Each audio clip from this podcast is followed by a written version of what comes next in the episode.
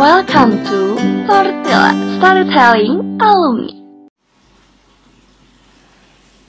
Halo Kang Teteh pendengar setia Tipcast. Kali ini ada yang baru loh di Tipcast. Wah, apa tuh teh? Ada series baru nih di Tipcast. Ini loh yang lagi Kang Teteh dengerin sekarang. Eh, bener banget tuh teh. Nama seriesnya tuh yang suka kita cemilin gak sih teh? Bener banget. Langsung kita spill aja nggak sih daripada Kang Tetehnya penasaran? Boleh nih, langsung aja dikasih tahu. Jadi, kita lagi ada di series Tortilla Storytelling with Alumni. Nah, Tortilla tuh salah satu proker Hubex Himatipan Unpad di tahun ini yang merupakan rangkaian acara temu alumni di mana kita bakal sharing-sharing bareng alumni teknologi pangan via podcast. Wah, berarti hari ini kita bakal sharing-sharing sama alumni ya teh. Tapi sebelumnya, kita tuh siapa sih teh? Kan akang tetehnya belum pada kenal sama kita. Eh iya bener juga. Kenalin, kita di sini bakal ngewakilin Akang Teteh buat ngobrol-ngobrol sama alumni kita. Aku Gisel. Dan aku Ninis, salam kenal Kang Teh. Ngomong-ngomong, kita bakal ngobrol sama siapa sih Teh hari ini? Hmm, kita bakal ngobrol sama Teh Mendi dari Teknologi Pangan 2016. Kebetulan udah ada di sini nih Teh Mendinya. Halo Teh. Halo. Apa kabar nih Teh? Sehat-sehat dong ya pastinya? Iya, sehat. Kalian juga sehat kan? Alhamdulillah ya Teh, kita juga sehat. Semoga akan teteh pendengar juga semua sehat-sehat ya. Bener banget. Jangan lupa juga nih ya Kang Teteh untuk selalu menerapkan protokol kesehatan ketika beraktivitas di luar rumah nih. Nah, sekarang karena kita udah nggak sabar banget untuk ngobrol-ngobrol sama Teh Mendi, mungkin boleh nih Teh kenalin diri terlebih dahulu dan mungkin ceritain sedikit nih kesibukannya sekarang apa. Halo Kang Teteh semuanya, Eh, nama aku Mendi, aku dari Teknologi Pangan 2016. Untuk kesibukan saat ini, aku eh, lagi bekerja sebagai product development di PT Forisa. Wah, aku mau kepo dong Teh. Product development tuh apa sih? Boleh dong di-spill dikit nih tentang job desk-nya, kayak gimana? Em, kalau misalnya product development itu sebenarnya sama, sam- kalau misalnya kalian tahu R&D nggak sih? Nah, eh, itu sama aja sih sebenarnya, cuman setiap perusahaan biasanya beda-beda antara product development atau R&D. Kalau di product development sendiri, eh, kita ngeriset eh, tentang eh, misalkan pemakaian raw material yang baru atau misalkan eh, mau penggantian raw material, pokoknya ngeriset barang yang udah existing atau enggak eh, kita juga ngeriset untuk produk baru antara varian baru atau mungkin produk yang akan launching nantinya gitu. Wah, kebetulan nih ya Teh, jadi eh, research and development atau product development tuh bisa dibilang salah satu prospek kerja yang impian aku banget nih kalau lulus nantinya. Jadi aku mau nanya dikit nih Teh, apa aja sih yang harus kita siapin untuk apply kerja sebagai product development? Misalnya ada skill atau keahlian khusus kah yang dibutuhkan? Atau kayak harus ahli di matkul apa gitu ada nggak Teh? Em, sebenarnya kalau misalnya ahli di matkul tertentu sih sebenarnya enggak ya. Nanti soalnya eh, tergantung kalian masuk ke perusahaan apa. Em, kalau misalnya awalnya itu tuh sebenarnya aku daftar bukan sebagai product development. Aku daftar sebagai manajemen trainee-nya di Forisa. Tapi setelah berjalannya waktu kan eh, ada proses wawancara. Nah waktu interview itu tuh aku ditanya tentang eh, skripsi aku. Kebetulan skripsi aku itu pembuatan powder kan.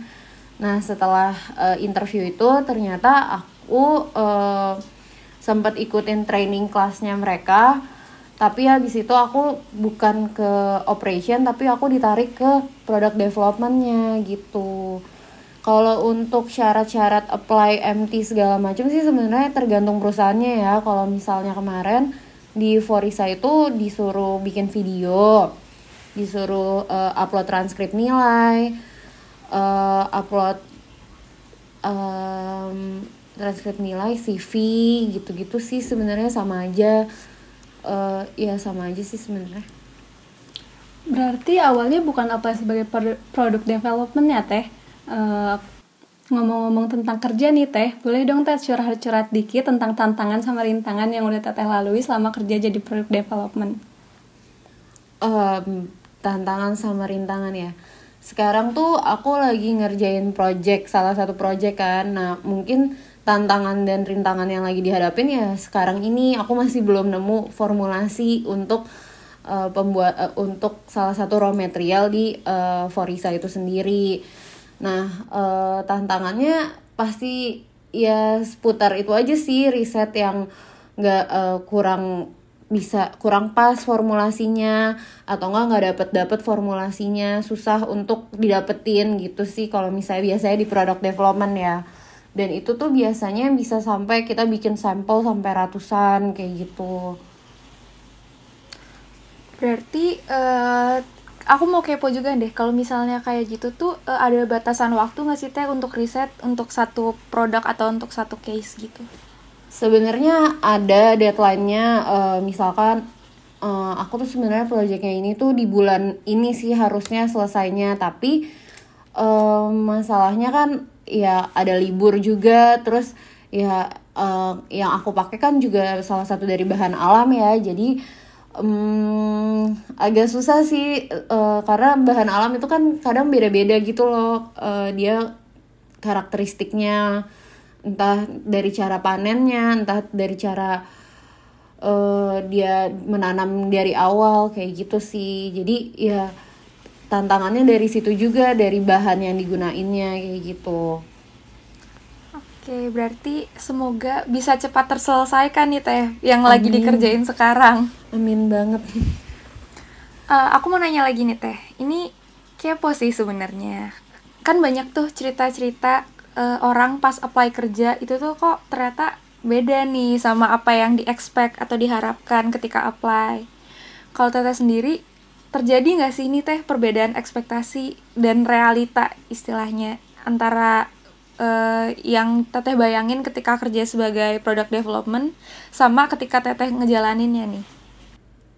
Eh, jelas beda ya kan tadi ekspektasinya tuh mau yang ikut MT itu kan Eh, terus ya emang untuk ke product development awalnya eh, aku ngiranya oh berarti kalau product development atau R&D itu cuman ngeriset varian baru kalau yang udah existing tuh udah nggak pernah lagi di utak atik atau gimana. Ternyata kan se- dengan berjalannya waktu kita eh, perlu gitu untuk tetap ngedevelop produk yang udah ada. Misalkan kayak misal eh, raw material yang eh, tiba-tiba jadi mahal atau tiba-tiba nggak boleh digunain. Kan kita berarti harus eh, ngutak-ngatik ulang gitu loh eh, develop dari awal lagi gimana kalau misalnya produk yang udah existing bisa tetap sama kualitasnya dengan penggantian raw material atau eh, penggantian tekniknya atau gimana gitu ternyata eh, kita juga ngurusin itu dari awal kayak gitu Eh, aku masih mau kepo nih. Kalau eh, untuk produk yang udah existing nih teh, itu tuh eh, ada kayak setiap jangka waktu berapa terus baru di research ulang atau kayak misalnya karena insidental aja kayak misalnya tadi ada raw material yang tiba-tiba mahal atau semacamnya gitu teh. lebih ke insidental sih sebenarnya kalau misalnya dalam jangka waktu tertentu eh enggak sih kayaknya tetap eh, tetap pakai formulasi awal cuman kalau misalnya ada insidental kayak gitu-gitu ya berarti kan harus di reset lagi ya tetap dari awal gitu kesannya Nah, aku mau kepo lagi dong teh. Selama teteh kerja nih, eh, hal menarik apa sih yang pernah teteh alamin? Kayak misalnya nemuin hal baru yang sebelumnya per- belum pernah teteh tahu, atau kayak fun fact fun fact seru gitu semenjak kerja sebagai product development. Boleh dikasih tahu dong teh ke kita. Hmm, mungkin ini sih yang aku baru tahu itu kalau misalnya di perusahaan aku sih ya terutama itu tuh ada yang namanya stability. Jadi eh, kita tuh menyimpan produk eh, menyimpan produk yang udah ada di pasaran disimpan dalam tiga ruangan, ruangan AC, ruangan biasa sama ada di chamber yang suhu sama RH-nya di diatur gitu. Nah, itu tuh e, ternyata selain buat traceability sama jadi kita tahu kalau produk kita di pasaran itu e, jangka waktunya berapa sih dia baru bisa rusak. Kalau rusak tuh berarti kenapa sih? Kalau misalnya ternyata sebelum kadar luar dia udah rusak, berarti kan ada yang salah. Kalau kayak gitu berarti apa yang harus diperbaikin kayak gitu-gitu jadi benar-benar ya development dari suatu produk itu gitu ternyata ada uh, stability itu. Aku nggak tahu ya kalau di perusahaan yang lain kalau di perusahaan aku jujur uh, aku kaget sih awalnya. Oh ternyata ada ya kalau yang kayak gini gitu. Ternyata kalau misalnya produk udah sampai di pasaran tetap dijaga ya kualitasnya tetap dipantau kayak gitu. Oh berarti uh, untuk yang produk yang udah dilepas ke pasaran nih berarti itu tuh masih di ranahnya R&D teh bukan kayak uh, quality control atau quality assurance gitu teh.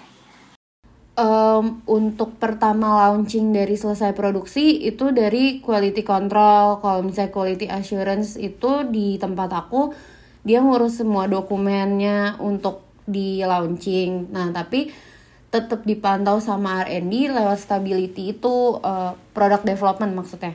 Nah itu uh, lewat stability itu. Jadi uh, dengan umur simpan misalnya sat, setiap satu bulan tuh diambil uh, produknya. Nah setelah satu bulan kadar airnya gimana sih? Uh, kenampakan produknya gimana sih? Karena produknya kebanyakan powder jadi kayak menggumpal misalkan kayak gitu-gitu kan udah nggak bagus ya berarti ada udara dan segala macam. Nah itu yang dipantau. Kalau misalkan ada misalnya produk menggumpal nih sebelum uh, kadar luarsa berarti kenapa? Entah dari kadar airnya entah berarti kemasannya atau gimana? Kayak gitu. Wah, berarti uh, walaupun udah kerja nih masih nambah ilmu-ilmu baru ya, Teh? Iya, kalau misalnya di product development itu setiap hari tuh belajar sih sebenarnya. Karena uh, kita kan pasti udah udah diajarin di kuliah tapi uh, adalah lupanya kan misalnya kayak gitu atau belum sepenuhnya yang kita diajarin di kuliah itu uh, ada di kerjaan kita gitu jadi um, mesti di ini sih mesti dibaca-baca ulang lagi kayak gitu-gitu. Oke, uh, aku mau kepo lagi nih. Tadi kan Teteh sempat bilang uh, tantangannya tuh sekarang lagi ngerjain project. Uh, nah sebelum ini tuh ada nggak sih Teh kayak satu uh, masalah atau satu case gitu yang menurut Teteh kayak susah banget dipecahin dan mungkin masih belum bisa terpecahkan sampai sekarang gitu ada nggak Teh? Hmm, di kerjaan aku. Iya. Uh, sebenarnya kalau misalnya di aku ya itu aku kan ke di aku tuh di bagian formulasi raw material kan. Nah, formulasinya itu ya sampai sekarang itu belum terpecahkan dari waktu aku masuk. Jadi uh, masih dalam tahap development gitu kalau jenuh ya pasti jenuh kalau pusing ya pasti pusing cuman ya itu kerjaannya sih kalau misalnya di product development gitu. Eh, nah aku kepo nih teh. Kan e, mungkin tadi permasalahannya kata e, teh Mendy masih belum bisa terpecahkan nih dari ketika teh Mendy masuk sampai sekarang. Nah itu tuh berarti harusnya ngefek nggak sih teh ke produk jadinya? Atau gimana? Hmm, karena aku kan lagi develop uh, raw materialnya dari uh, produknya di Forisa kan kalau misalnya selama ini kan udah ada supplier nah untuk uh, jadi kita lagi mau kayak reducing cost misalkan kayak gitu atau mau mau coba untuk produksi dari raw material kita sendiri. Nah sekarang tuh kita lagi produksi raw material kita sendiri. Jadi untuk produk jadinya sekarang masih tetap dari supplier. Jadi ya mm, gak ngefek apa-apa sih sebenarnya. Oh berarti ini tuh uh, yang lagi di research itu tuh untuk penggantian raw material berarti ya teh? Iya. Uh, aku pengen yang lagi nih teh. Kalau misalnya nih teteh udah ahli dalam bidang uh, product development kepikiran gak sih untuk bikin bisnis sendiri? Atau ada gak sih teh sesuatu yang pengen teteh lakuin gitu untuk ke depannya nanti? Boleh dong teh diceritain sedikit udah ahli. Ya um, kalau misalnya aku sih sebenarnya untuk bikin bisnis sendiri agak enggak sih kayaknya. Aku masih masih senang untuk uh, bersosialisasi sama orang-orang kerja bareng orang lain kerja dalam tim tuh masih senang. Uh, walaupun kalau misalnya bisnis sendiri juga bisa ya tapi um, masih mau mencari ilmu aja sih sebenarnya. Terus kalau untuk ke depannya pengen sih nyoba kayak nggak cuman di product development kayak pengen aja di departemen yang lain atau gimana. Itu gimana sih rasanya kerja di departemen yang lain? Kayak gitu. Masih pengen aja gitu. Nah, tadi kan Teh Mendi sempat sebut apply-nya tuh sebagai MT, terus tapi sekarang ditarik jadi R&D atau product development. Nah, uh, aku mau kepo dong Teh sebenarnya perbedaan MT uh, eh, sama R&D itu apa dan MT itu sebenarnya apa nih? Aku yakin banyak banget pendengar kita yang kepo sebenarnya. Um, sebenarnya kalau misalnya MT itu kebijakan di setiap perusahaan kan berbeda, cuman MT itu sendiri itu sebenarnya kan salah satu percepatan karir ya untuk uh, kita yang ada di dunia kerja. Kalau misalkan di PT Forisa sendiri, MT itu minimal kalian ada di posisi unit head kalau kalian lulus dari MT-nya. Uh, eh, terus biasanya itu unit headnya itu ditempatinnya di uh, operation. Operation itu ada quality control produksi maintenance sama PPIC kalau aku nggak salah ya. Nah uh, tapi nggak melulu kalian ada di factory-nya. Bisa kalian dipindah ke mana ke departemen-departemen yang lain gitu.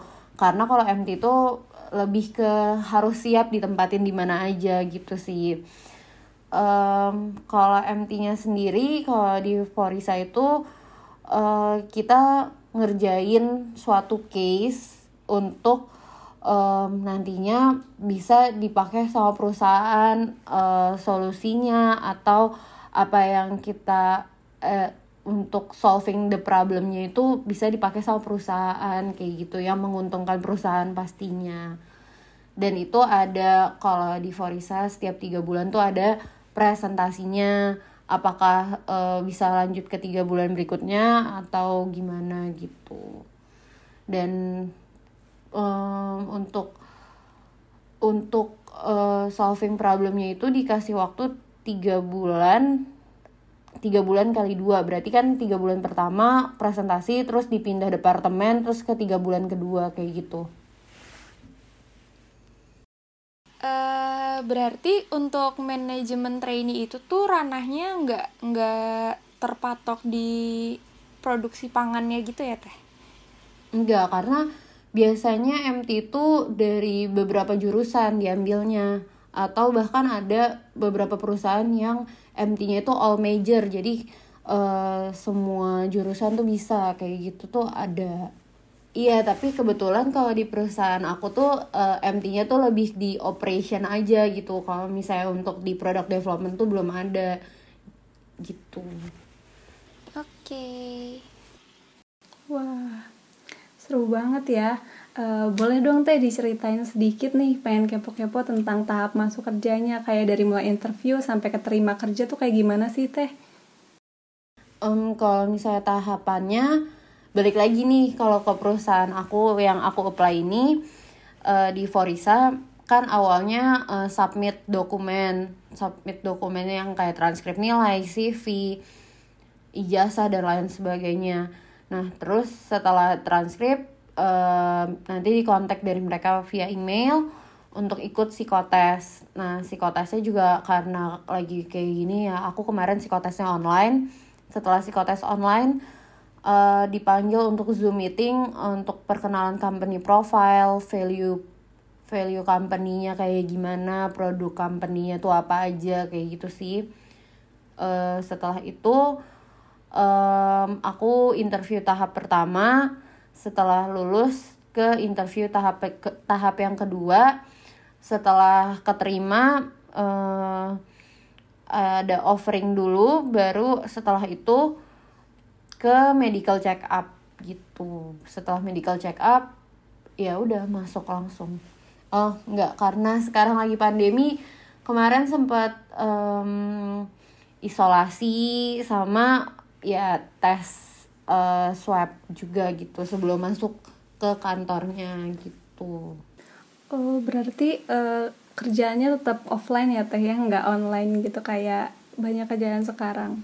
Iya karena ini manufacture juga kali ya. Jadi nggak bisa ya nggak bisa off nggak bisa online juga. Harus datang ke tempatnya langsung kan. Kayak gitu sih apalagi kalau misalnya di product development kayak hmm, instrumen-instrumennya atau uh, apa sih alat-alat labnya kan nggak bisa kita bawa ke rumah ya gitu. Nah, aku mau kepo nih, karena tadi udah disebutin nih sama Temendi kalau kerjanya tuh offline. Nah, aku pengen tahu dong kalau di PT Farisa sendiri tuh uh, product development itu kayak kesehariannya kayak gimana ya Teh? Apakah nge-lab tiap hari atau gimana nih Teh? Um, basically di lab ya kalau misalnya product development. Uh, karena ini aku ceritain yang bagian aku aja ya. Kalau di bagian aku tuh setiap hari ya belajar. Misalkan uh, kamu mau pakai bahan A gitu. Bahan A ini bagusnya gimana sih? Itu boleh kalian ekspor di komputer atau di uh, ya kalian pokoknya exploring aja gitu baca buku dan segala macam itu boleh Nah, misalkan udah nih pakai bahan A, berarti ya udah langsung di bisa langsung dilakuin kayak gitu. Sebedanya itu kalau misalnya produk development itu um, kalian tuh boleh uh, explore dan melakukan apa aja sama bahan itu selama bahan itu masih ada. Jadi ya silahkan aja dieksplor bahannya gitu. Berarti sekreatif kita aja gitu ya teh? Nggak ada batasan tertentu atau uh, kayak pokoknya cuman boleh research di uh, pakai bahan ini misalnya gitu. Nggak ada ya teh? Enggak sih. Justru lebih ke exploring itu. Um, kadang kayak cuman iseng kalau misalkan ini ditambahin ditambahin lagi dia jadinya kayak gimana sih? Itu ya kan itu harus dilakuin juga ya itu cuman basicnya iseng sih sebenarnya. Tapi isengnya itu harus berdasarkan knowledge gitu loh. Jadi um, kamu misalkan udah baca nih di jurnal orang oh ini kalau ditambahin sekian persen dia akan jadinya uh, apa gitu. Nah kalau kamu pengen tahu lagi kalau misalnya dia ditambah dua kali lipat persentasenya dia bakal jadi kayak gimana sih? Kayak gitu-gitu. Itu bisa dilakuin. Tapi ya yang uh, align sama produk eh project kita yang project kita jalanin ya gitu. Wah berarti benar-benar mengasah kreativitas kita aja gitu ya teh. Kalau misalnya kita kepo dan menurut kita ini uh, bakal kayaknya kalau ini diginiin bakal bisa jadi pro produk yang bagus nih. Itu tuh kayak sebebas kita berarti ya? Iya. Bisa bisa bisa bisa sih sekreatif itu. Emang butuh sih kadang kreativitas kalau misalnya di product development ya. Nah boleh banget nih kalau teman-teman pendengar ada yang pada pengen uh, mengasah kreativitas juga atau pengen kerjaan yang bisa eh, iseng-iseng tapi kerja gitu. Karena iseng-iseng cobain ini cobain itu itu ternyata dihitung kerja boleh banget coba apply jadi product development nih teman-teman. Karena kayak yang Teh Mendy bilang tadi ya kalau misalnya menurut kita itu bisa dilakuin dan kayak pengen tahu hasilnya gimana itu tuh boleh tuh dilakuin kalau di product development. Iya kan biasanya soalnya um, kalau di kampus tuh kan biasanya terbatas waktu terbatas uh, bahannya bahkan kadang terbatas alat kayak gitu-gitu kan. Nah kalau misalnya selagi semuanya itu bisa memadai kalau misalnya di product development silahkan aja dicoba gitu. Seru banget ya kerjaannya teh. um, karena terus sama karena ini kan di lab kan um, basically emang sehari-hari juga di lab. Ya um, jangan takut untuk uh, ih nggak mau kalau di lab terus kayak gitu-gitu. Kalau misalnya di tempat aku contohnya itu tuh pasti ada aja caranya untuk um, untuk kita tuh jadi nyaman aja gitu di situ. Paling kayak ya kan ada yang lain. Jadi kita kayak teamwork ya saling ngobrol saling uh, misalkan makan bareng kayak gitu-gitu sih sebenarnya. Jadi gak yang di lab seperti yang kalian bayangin di kampus yang harus duduk diam ngerjain gitu enggak. Masih tetap sosialisasi eh, sosialnya tuh masih ada lah gitu. Uh, aku mau kepo lagi nih teh. Kan uh, kerjanya mainly di lab nih teh. Ada nggak sih sertifikasi yang harus dipunyain sama seorang staff product development? Mungkin ISO atau mungkin uh, GMP atau apa gitu teh ada nggak? Mungkin ke GMP ya tapi kalau misalnya di tempat aku tuh nggak secara nggak secara tertulis sih untuk uh, harus punya sertifikasi A B C gitu nggak karena nantinya kalau di Forisa sendiri hmm, ada fasilitatornya nanti yang uh, akan adain uh, itu lagi apa pelatihan lagi untuk uh, staff-staffnya. Entah dari product development, staff produksi kayak gitu-gitu. Itu kan staff produksi juga harus tahu nggak cuman product development ya. Kayak misalnya ISO, GMP kayak gitu-gitu. Semuanya uh, nanti kalau di perusahaan aku tuh akan di refresh lagi gitu. Berarti eh, nggak eh, ada persyaratan untuk punya sertifikasi itu tuh sebelum kerja gitu ya teh. Tapi nanti di tempat kerjanya bakal dikasih pelatihan dan sertifikasinya tuh dari perusahaan gitu. Iya kalau di tempat aku sih gitu. Um, bukan sertifikasi sih bentuknya kayak lebih ke seminar kali ya. Hmm. Gitu tapi nggak nggak mengeluarkan sertifikat secara lembaga gitu nggak. Cuman ya ada di refresh lagi aja gitu kalau misalnya ISO tuh apa sih? JMP tuh kayak gimana sih? Kayak gitu termasuk halal juga kalau nggak salah.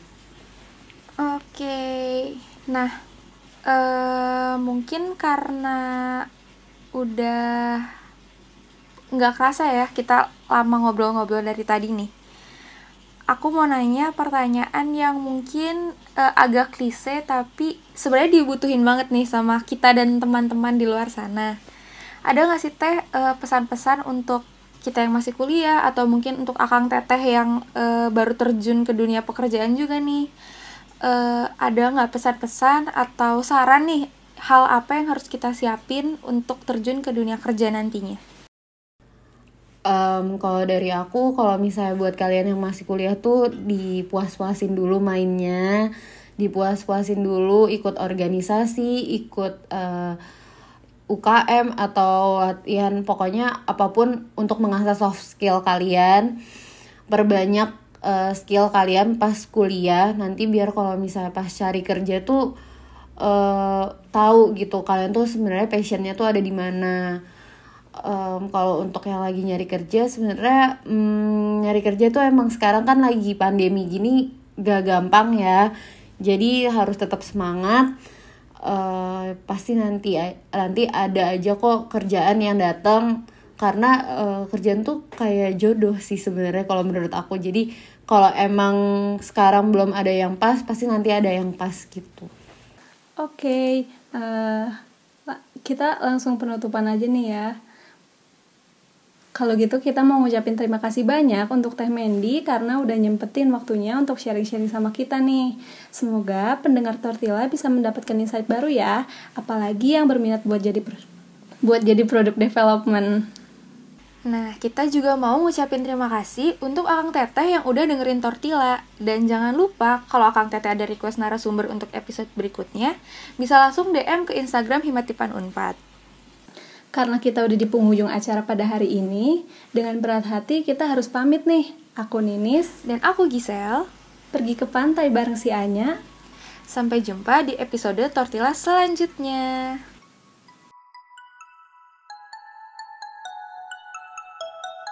Tipcast hanya di Spotify.